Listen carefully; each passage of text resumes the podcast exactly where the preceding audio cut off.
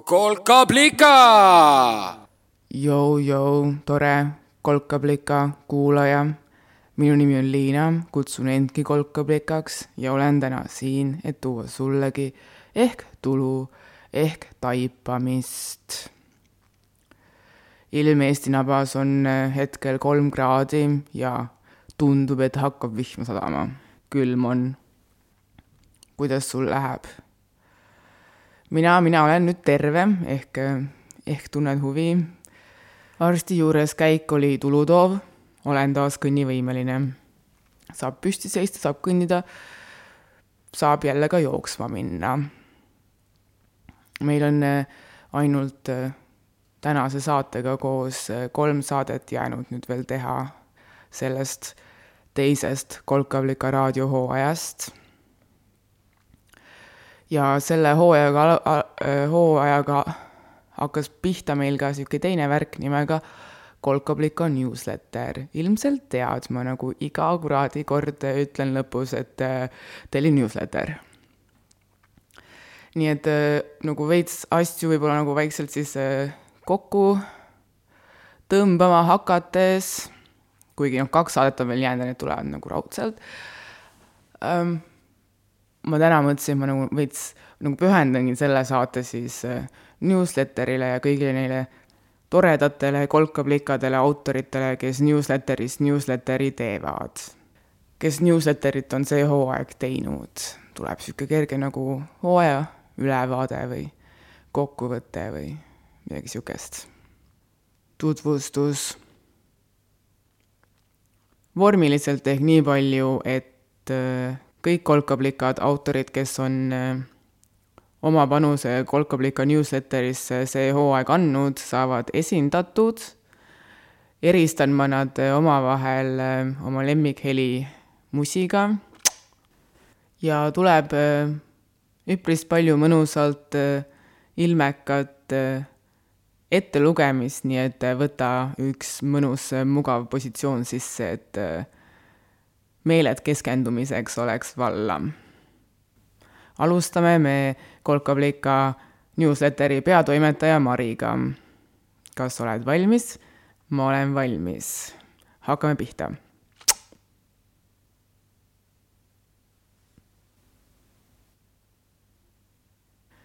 siin ma olen, käed klaviatuuril lootes, et sõrmed suudavad mu aju eest mõtteid koondada need ridadesse seada ja sünnitada mõttekäigu. viimane veerg ilmus ligi kolm kuud tagasi ja vahepeal, see tähendab suvel, jooksid mõtted omasoodu ilma sõnu seadmata. lihasmälu kirjutamine, is it a thing? või juhtub nagu tavaliselt, et narrativiseerin kõike enda ümbruses silmaga nähtavat. ühesõnaga, kohvi, hommikune päike ja maja esine rõdu olen palju aega veetnud maal vanemate juures. koroonaaeg, tead küll. täna sain ka kirja, et mind on valitud kahe tuhande juhusliku inimese hulka, kellele tehakse test. mitte, et Kesk-Eestis koroonaviirus või koroona, nagu seda kutsutakse Võrus, nii reaalsena tunduks kui mujal. enamus päevi ei tule mul meelde, et kuskil on eriolukorrad või et lennuliiklus on piiratud ja maailma majandusolukord muutunud. ainult veidi siit ja sealt kui olen näiteks unustanud mängima raadio, imbub seda mu igapäevateadvusesse. siin ma elan, justkui kasvuhoones. maailmast eraldatud mikroökosüsteem, kus kasvab ainult valitud teadmine ja valitud tunnetus, omal kujul, ümber minu naba. ilm otsustab tuju ja kui üks päev liiga palju sadanud vihma, üritan rätsepa istmes istudes veidi naeratada vahel kummitab mind mõte, et vanasti vaadati ilmselt horisondi poole ja mõeldi, et seal kuskil horisondi taga on maailm. nüüd on maailm internetis ja mina siin, omaette, meditatiivses seisundis. sügis on toonud teatud magusa melanhoolia. aeg-ajalt ikka külastab mind kummalist sorti lein maailmas toimuva suhtes. ka tehisintellekt sotsiaalmeedia taga on lõpuks pihta saanud, kuidas naelutada mu pilk ekraanile sööta mulle maailma traagikat ja kliima soojenemist, mille ahastusega jälgimise vahele jääks mulle silma ka sinna vahele sokutatud bambusest hambaharja reklaam. lohutuseks järeldan, et ühe koha peal istumine, vähene tarbimine ja biojäätmete kompostihunnikusse viimine on hetkel ainukesed meetmed, mille emake loodus on minu kätesse andnud. ehk oleks aeg saada selleks puuinimeseks, kes end ketiga puu külge kinnitab puu kaitseks. Samas siis kardan vanatarka, kes siis tuleb, osutab ja teatab, et puu on seest mäda ja seetõttu tuleb terve mets rahaks teha. kes olen mina, et vanatargaga vaielda? sotsiaalmeedia on mind ammu juba rahaks teinud ja viimase tormiga murdus mu külapargis kask, mis oli pargi ilustamise, loe siis, et hõrendamise käigus üksi jäetud ja ta kaaslased maha saetud üksi pole turvaline kasvada. Uudised kõnetavad mind üha vähem ja hiljuti vaadatud Netflixi dokumentaalfilm sotsiaalsest dilemmast peletas mind eemale ka sotsiaalmeediast. väidetavalt räägib sotsiaalmeedia meile ainult seda, mida me kuulda tahame ja kinnitab meile meie õigust, nõnda nagu kinnitab ta seda inimesele, kellega me ühtegi vaadet ei jaga kui sotsiaalmeedia oleks peegel nõia seina peal, näitaks see küsimuse peale peeglike, peeglike seina peal, kes on kõige kauneim või siis targem siin ilma peal, alati nõiale ta enda nägu.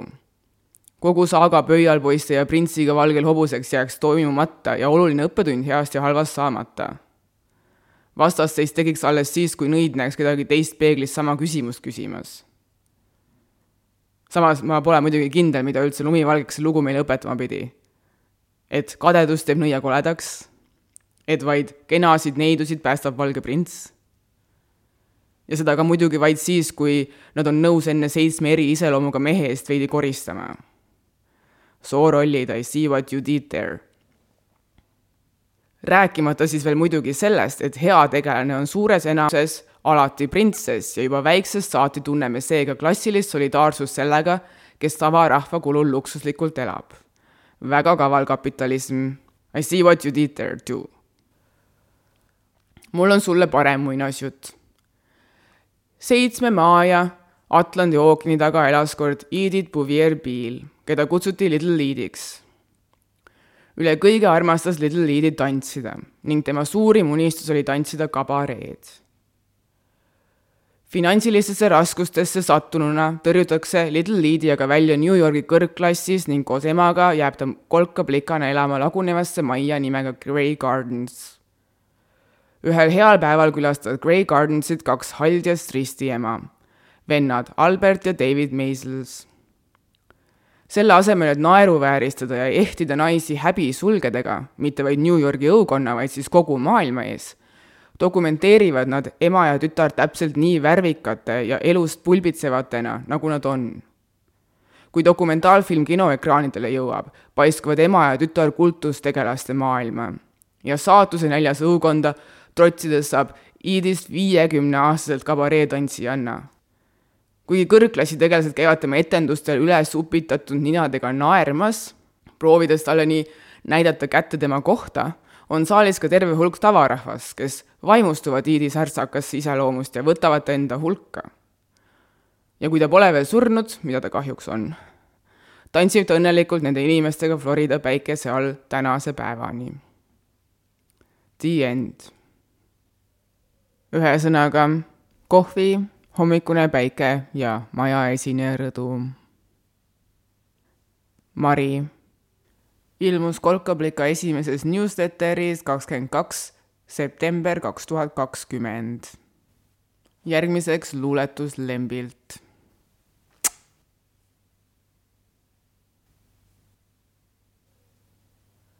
mitte grammigi vanemaks. Ma ei tea, millest sinu maailm koosnes, kui väike olid. klassikalisest muusikast.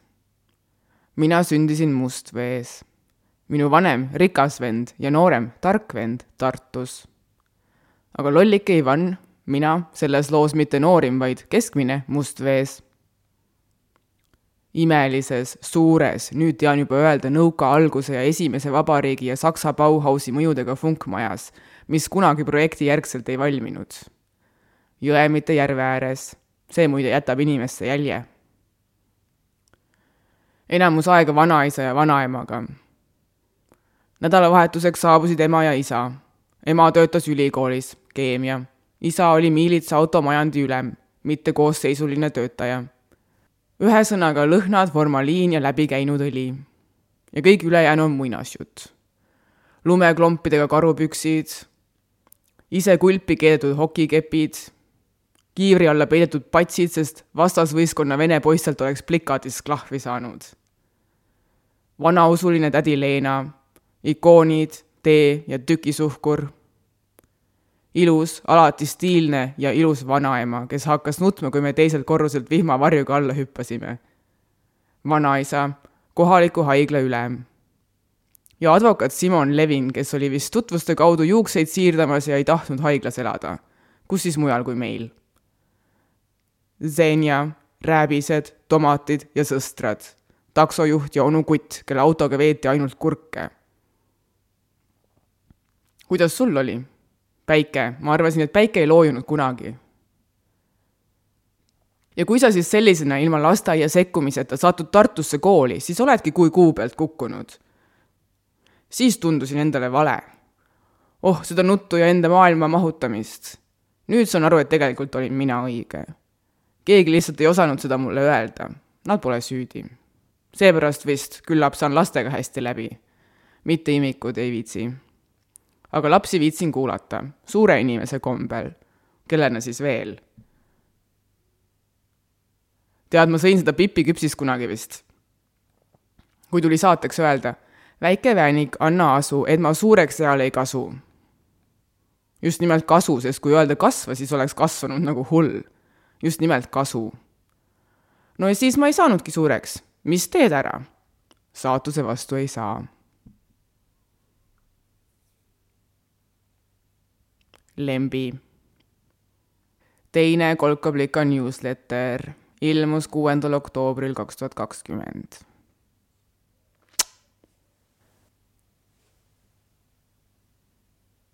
järgmiseks tuleb minu poolt üks pildikirjeldus, kirjeldustõlgendus ehk tegelikult on tegemist illustratsiooniga kunstiteosega. kuna minu edastus, väljendusvahend hetkel on hääl ja ma pilti näidata ei saa, siis tulebki kirjeldustõlgendus. illustratsiooni autor on Diana ja Diana teeb rubriigi all Mina pilt illustratsioone, kunstiteoseid meile iga kord käesolev äh, illustratsioon on pärit kolmandast äh, Kolkablika newsletterist, mis ilmus kahekümnendal oktoobril kaks tuhat kakskümmend.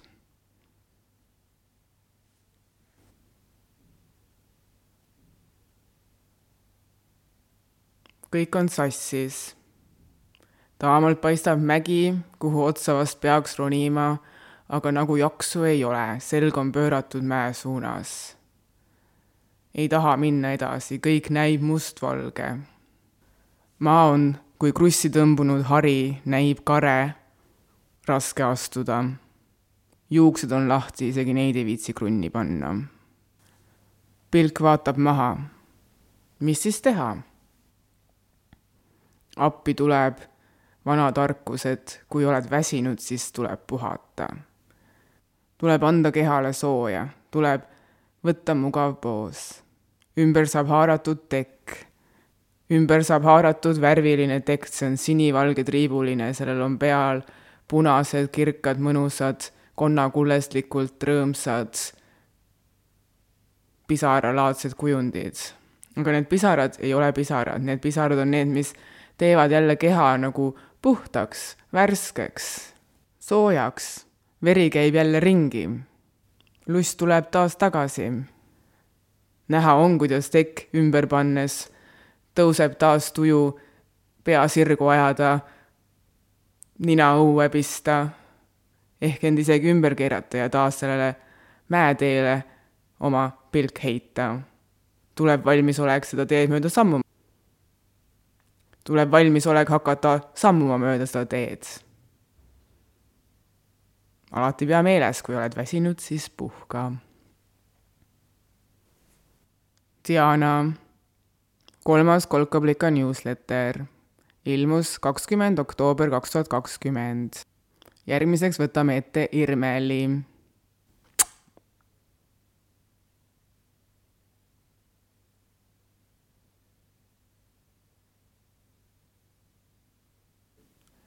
Käes on veebruarikuu, mil peame ka Eesti Vabariigi aastapäeva sellega seoses tundub sümboolne serveerida nende lakkamatute kiluvõileibade juurde üks hea kodumaine album. otsustasin valida kvarteti, kes on osadele absoluutselt tundmatu. antud plaat on neil nii debüüt kui ka ainuke ametlik album ning äh, paraku pole seda võimalik netist päris tervikuna leida. suure osa saab siiski kätte Youtube'ist. kellest ma küll räägin, ei kellestki muust kui Eesti oma vürstitüdrukutest üheksakümnendatel. klikk okay tegemist on nelja sireda säärse tantsutüdrukuga, kelle jutt kõlab justkui meremeeste suust. Nendes kolkaplikades ühtivad ülim seksapiil ja attitude. Nende energias pulbitsevad bravuurse võitu hitid nagu Öö on kuum või Lase lõdvaks võiksid hullutada klubipõrandaid ka täna. debüütalbum pärineb aastast üheksakümmend kaheksa ning kannab nime Lase lõdvaks. albumi juhatab sisse intro, mis paraku jääb müsteeriumiks ja ei ole kuskilt kuulamiseks leitav seega esimese loona on ligipääsetav bändi enda järgi nimetatud pala Click OK, mis on justkui otsetee reivile ülimalt energilisele elektroonilisele muusikale lisanduvad elektrikitarri samplid ning loo käigus tutvustatakse meile tänaseid kangelannasid. Monikat, Karinit, Gretet ja Kairit. kogumiku teine lugu on aga albumi nimilugu Lase lõdvaks. see annab maiku, mis puust need naised tehtud on. mõnusalt tigeda hoiakuga tibide popmuusika, kuhu oleks justkui kokku segatud Bikini Kill ja Spice Girls igatahes äratavad igas naises oleva feministi.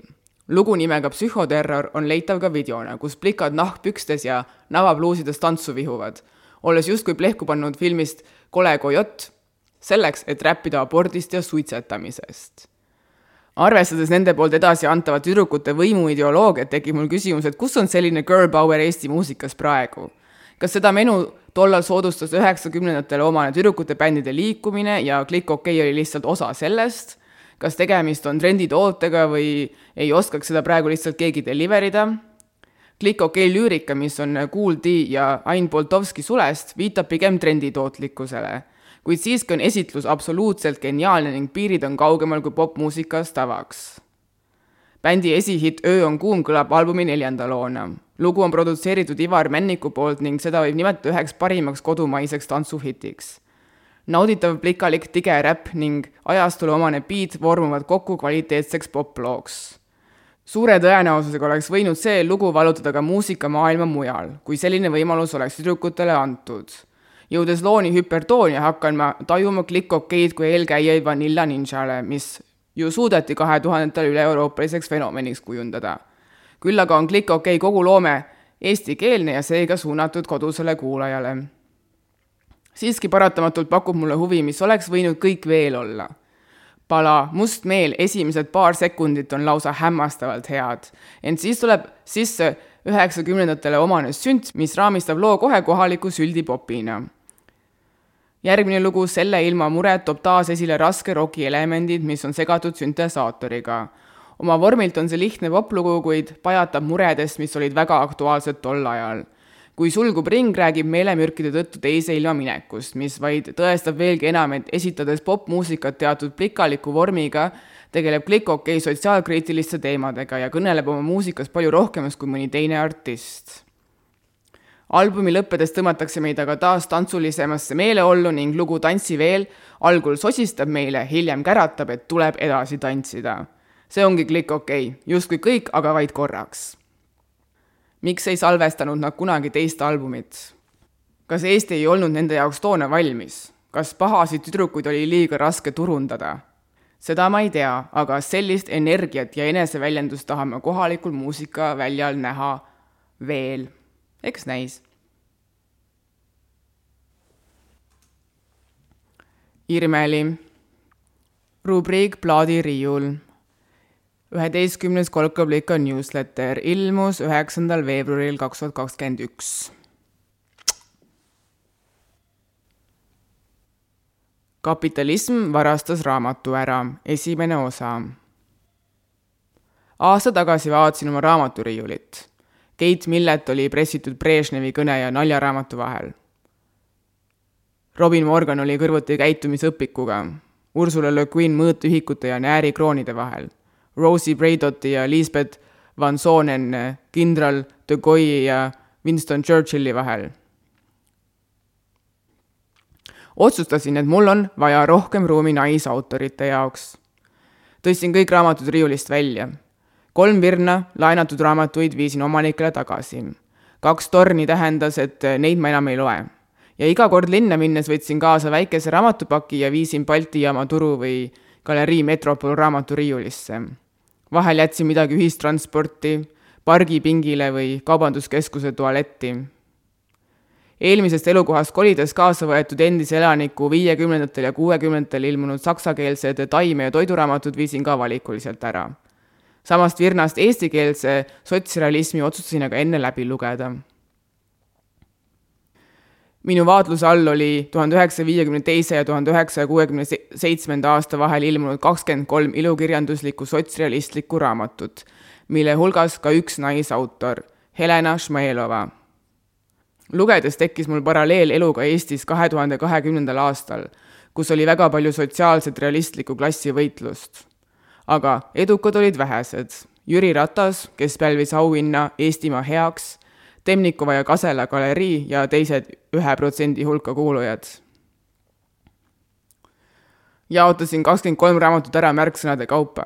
naine, töö, tütar, poeg, kultuur, mees, masin, partei armastus, mees ja loomad, klassivõitlus. Kõik raamatud tegelesid sõjateemaga, kas Teise maailmasõja või Esimese maailmasõja või siis mõlemaga. kui raamatus räägiti tööst, leivast, parteist või armastusest, oli peaaegu alati kohal sõjafoon, olenemata sellest, kas sõda käib, sõda lõppes eile või mitmeid aastaid tagasi. märksõna naine kahekümne kolme loetud raamatu seas oli Islandi kirjaniku Haldor Gillian Laknessi Salka Valka ainus raamat, kus avaldus läbivalt jõuline, iseseisev tegelaskuju, kes kavatses endale püksid hankida, et teda ei saaks enam tüdrukuks nimetada. teemad on valusad, intsest, koduvägivald, eneseohverdus, klass, vaesus. Salka Valka tegelaskuju võiks kindlasti põhjalikumat feministlikust vaatenurgast edaspidi analüüsida teine raamat, mille eraldi välja tooksin, oli Jorge Amado Gabriela, kus võideldakse tuhande üheksasaja kahekümnendatel naistevastase vägivallaga. Kui raamatu alguses kehtib Brasiilia provintslinnas veel kirja panemata seadus tappa naine, kes meest petab, siis raamatu lõpus mõistetakse esimest korda süüdi mees. milline on naise näoga sõda, millist retoorikat kasutatakse ja kuidas avaneb selle kaudu naise roll sõjas? Jakov Naumovi ja Andrei Jakovlevi raamatus Peenike niit on spioon kõlbeliselt rikutud irooniline väike kodanlane. Ladislav Njanko raamatus surmanimi on Engelhen, aga soe albastrist Veenus ja soojus toov partisani Madonna. seega, naine on sõjas nii jumalanna, ülivooruslik kipsis naine, kes valitseb seksi, ilu ja armastuse üle, kui ka jumala ema naine vastupanuliikumisest on aga brutaalselt liiderlik. vangi nimetatakse bolševistlikuks loreleiks ja jõulist naisfiguuri meeste õgijast nõiaks. Pjotr Ignatovi partisani märkmetes kaotab naine partisani salgas sõdides aga kõik. lapsed, tervise, kuid lubab kätte maksta. Leonid Pervomaiski raamatus metsmesi kommenteeritakse sõja ajal tekkinud inimeste vahelisi suhteid vaid naiste näitel. naisi nimetatakse prostituutideks ja saatanahingedeks või rindenaisteks. mehe teine naine rindel. Meeste suhetele aga hinnanguid ei anta. Laksnesi raamatust on inspireeritud ka minu teksti pealkiri Kapitalism varastas raamatu ära. kuidas kapitalism seda tegi? seda võiks vist seletada endise linnapea Jüri Mõisa seisukohaga, kes ei salli ilukirjandust ja valis selle asemel jalgpalli. sest raamatud on Mõisa meelest igand ja kui inimene ei ole elus ühtegi raamatut lugenud, siis on, millest rääkida. Killu. Killu järjejutu Kapitalism varastas raamatu ära, esimene osa ilmus neljateistkümnendas Kolkablika newsletteris kahekümne kolmandal märtsil kaks tuhat kakskümmend üks ja viimane osa, neljas osa on veel ilmumata tegelikult, nii et teli newsletter.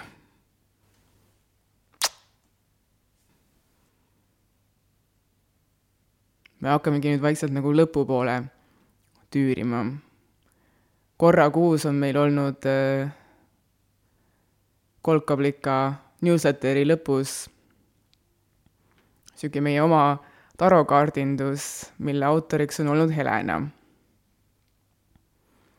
Helena teeb ise oraakli kaarte kolkaplikadele.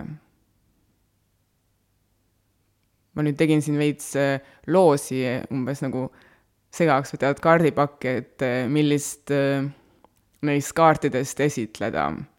ja tulemuseks oli tänase teise esmaspäeva, kuueteistkümnenda Kolkablika raadio teise hooajapäeva kaart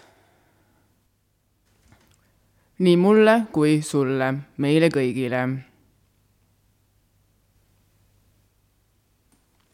kusjuures ma ei teadnud enne sellest äh, loost selle kaardi sees, enne kui Helena selle kaardi tegi, aga siin ta on. vaata, kas mätsib meie päevakaart. Orissaare tamm kas sul on vahel tunne, et oled vana, väsinud ja kõigil justkui ees? jõudutäis tegelased siblivad su ümber ja sina nagu seisaksid ühe koha peal paigal, mõeldes, et jääd neile ette. kas tekib isu eemalduda ja teistele ruumi teha? Tänane oraaklikaart tuletab meelde, et vahel on okei okay olla nagu tamm keset Orissaare staadionit. sul on juured maas ja koht elus leitud. sul on pakutud hea vaateplats, nii et naudi mängu naudi mängu. mätsis või? mul nagu küll mätsis, sest näe, olen siin terve juba pea pool tundi teiste inimeste mängu nautinud. Ja loodetavasti sulle ka seda nauditavaks teinud. Helena oraaklikaart Orissaare tamm ilmus äh, esmakordselt äh, kaheksandas Kolkablika newsletteris kahekümne üheksandal detsembril kaks tuhat kakskümmend.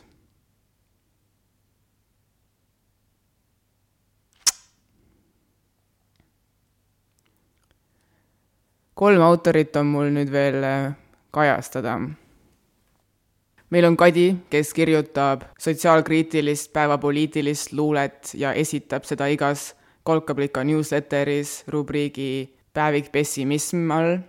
kogu päevik pessimismi arhiiv on äh, meie SoundCloudis www.soundcloud.com kaldkriips kolkablika saadaval.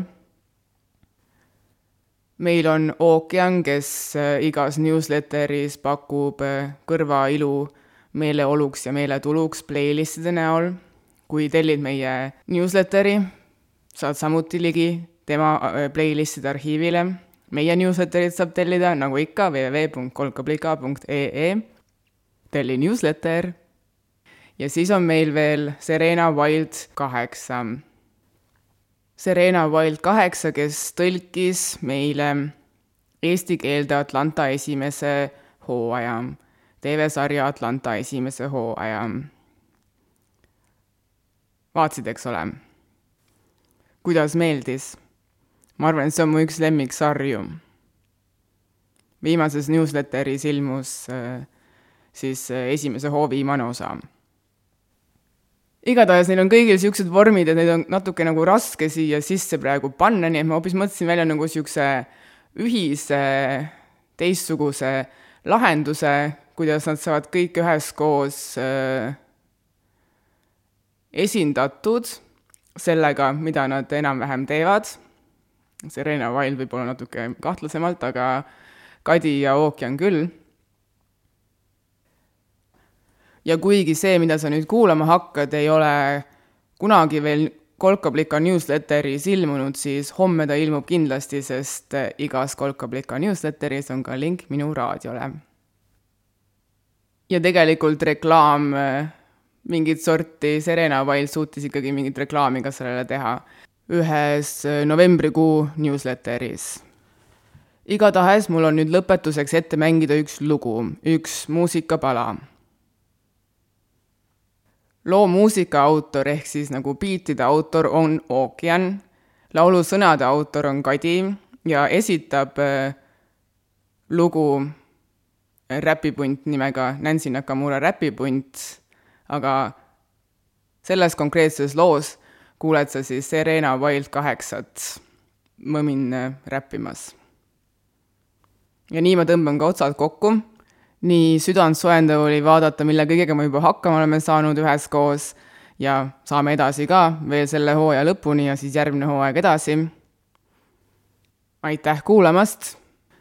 Siit tuleb lugu veateated ja me kuuleme taas järgmisel teisel esmaspäeval. tšau!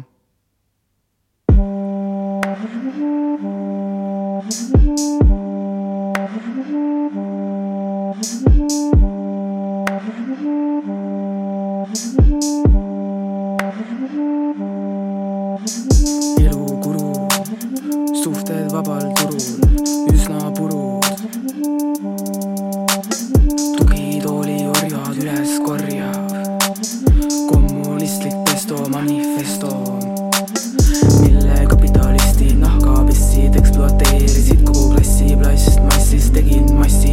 steady